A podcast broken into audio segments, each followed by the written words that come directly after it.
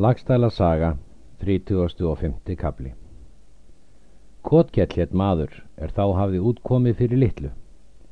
Gríma hétt kona hans. Þeirra sinir voru þeir Hallbjörn slíkisteinsauga og stígandi. Þessir menn voru suðreskir. Öll voru þau mjög fjölkunnug og hinn er mestu segðmenn. Hallsteit goði tók við þeim og setti þau niður að urðum í skálmarfyrði og var þeirra byggð ekki vinsæl. Þetta sumar fór gestur til þings og fór á skipi til Sörbæjar sem hann var vanur. Hann gisti á hóli í Sörbæ. Þeir máar leðu honum hesta sem fyrr var vant. Þorður Ingunarsson var þá í för með gesti og kom til lauga í Sælingsdal. Guðrún Ósíursdóttir reið til þings og fyldi henni Þorður Ingunarsson. Það var einn dag er þau riði yfir bláskóa heiði, var á veður gott. Þá mælti Guðrún. Hvort er það satt, Þorður, að auður kona þín er jafnan í brókum og set geri í, en vafið spjörum mjög í skúa niður? Hann hvaðst ekki hafa til þess fundið. Lítið bragmenn þá að, segir Guðrún, ef þú finnur eigi og fyrir hvað skal hún þá heita brókaauður? Þorður mælti. Ég er ætlum hana litla hríð svo hafa verið kallaða. Guðrún svarar. Hitt skiptir hana enn meira að hún eigi þetta nafn lengi síðan. Eftir það komu menn til þings. Er þar allt tíðinda löst. Þorður var löngum í búð gests og talaði jafnan við Guðrúnu. Einn dag spurði Þorður Ingunarsson Guðrúnu hvað konu varðaði ef hún væri brókum jafnan svo sem karlar. Guðrún svarar. Slikt vít á konum að skapa fyrir það á sitt hóf sem karlmanni ef hann hefur höfuð smátt svo mikla að sjá í gervörtur hans berar, braudgangsök hvortvekja. Þá mælti Þorður, hvort ræðu þú mér að ég segi skili við auði hér á þingi eða í héradi, og ger ég það við fleiri manna ráð því að menn eru skapstórir þeir er sérmönu þykja misbóðið í þessu. Guðrún svara stundu síðar. Aftans býður ófram sök. Þá spratt Þorður þegar upp og gekk til Lögbergs og nefndi sér vottað að hann segir skili við auði og fann það til saka að hún skarst í sérgera brækur sem karlkonur. Bræðrum auðar líka í rýtla og er þó kyrt. Þorður rýður á þingi með þeim ósýjursónum. En er auður spyr þessi tíðindi þá mælti hún. Vel er ég veita, var ég einum látin. Síðan reið Þorður til fjerskiptis vestur til Sörbæjar með tólta mann og gekk það greitt því að Þorði var óspart um hversu fjernu var skipt. Þorður rak vestan til lauga margt búfje. Síðan bað hann Guðrúnar. Var honum það mál auðsótt við ósvífur en Guðrún mælti ekki í móti. Brullaup skildi vera laugum að tíu vikun sumars. Var svo veistla all sköruleg. Samför þeirra Þorðar og Guðrúnar var góð.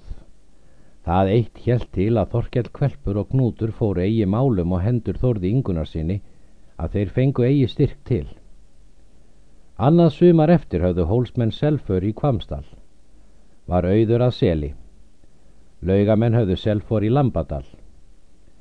Sá gengur vestur í fjöll af Sælingsdal. Auður spyr þann mann er smalans gætti hversu oft hann fyndi smalamann frá laugum. Hann hvað það jafnan vera sem líklegt var því að háls einn var á milli seljana. Þá mælti auður.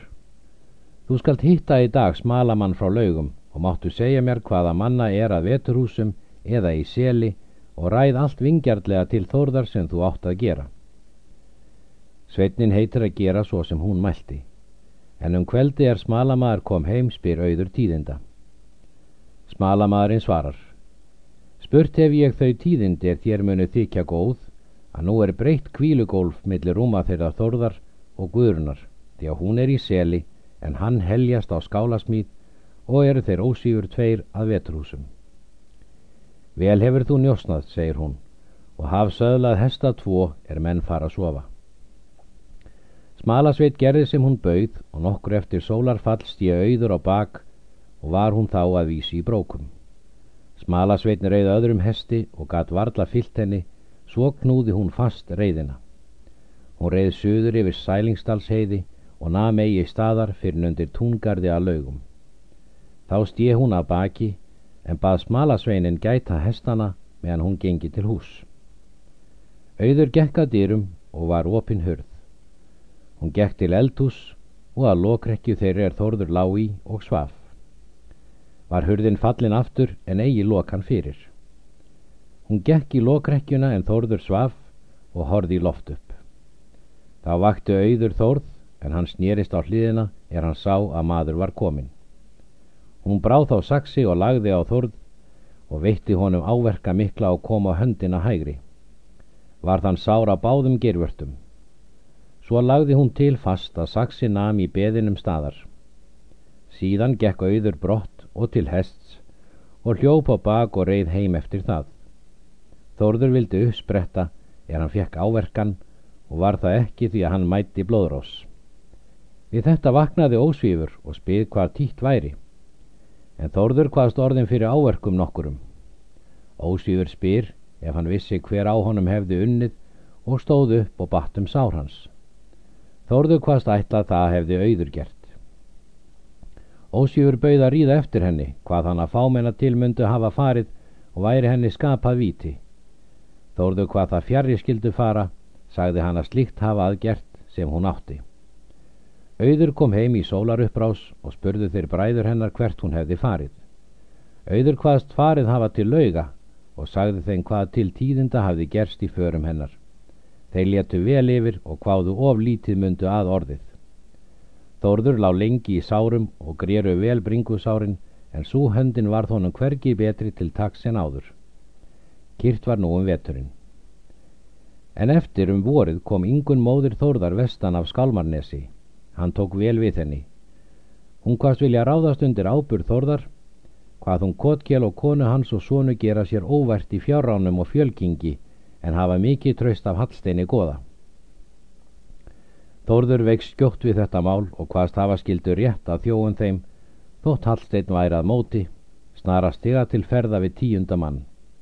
Ingun fór og vestur með honum. Hann hafði ferjúr tjaldanesi, síðan heldu þau vestur til Skálmannes. Þórður létt flytja til skips allt lausa fyrir það er móður hans átti þar en smala skildi reka fyrir innan fjörðu. Tólf voru þau alls á skipi. Þar var yngun og önnur kona. Þórður kom til bæjar Kotkels með tíunda mann. Sinir þeirra Kotkels voru eigi heima. Síðan stemdi hann þeim Kotkeli og grímu og sonum þeirra um þjófnað og fjölkingi og let varða skógang.